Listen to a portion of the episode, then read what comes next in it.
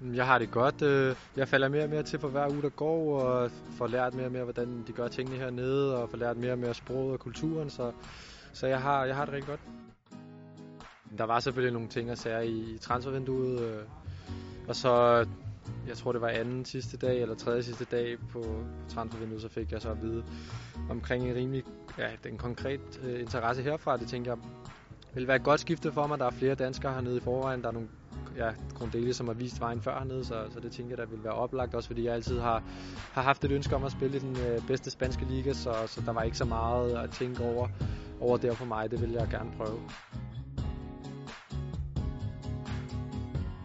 Jeg kan godt lide den fodbold, der bliver spillet hernede, og så selvfølgelig den fodbold, som Celta Vigo spiller, den kan jeg godt lide. Offensiv fodbold, ja, altså, det, det tiltalte mig meget at komme herned og prøve kræfterne af.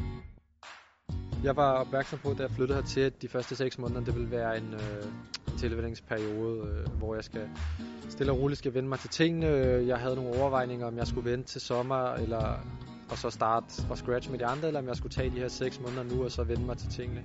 Og, og det valgte jeg så at gøre, og jeg er stadig, stadig tilfreds med valget, og jeg føler, at det var det bedste for mig og jeg føler, at jeg tager flere og flere skridt for hver eneste, for hver eneste dag, der går, hver eneste uge, der går, og jeg er sikker på, at øh, for når vi starter på sommer af, hvor jeg er på lige med alle andre, så skal jeg nok først sætte mig igennem der. Og det er selvfølgelig er det sværere, end det var i Danmark, og det kommer til at, til at tage noget tid, men jeg, jeg havde ikke taget skridtet, hvis jeg ikke troede på, at jeg kunne.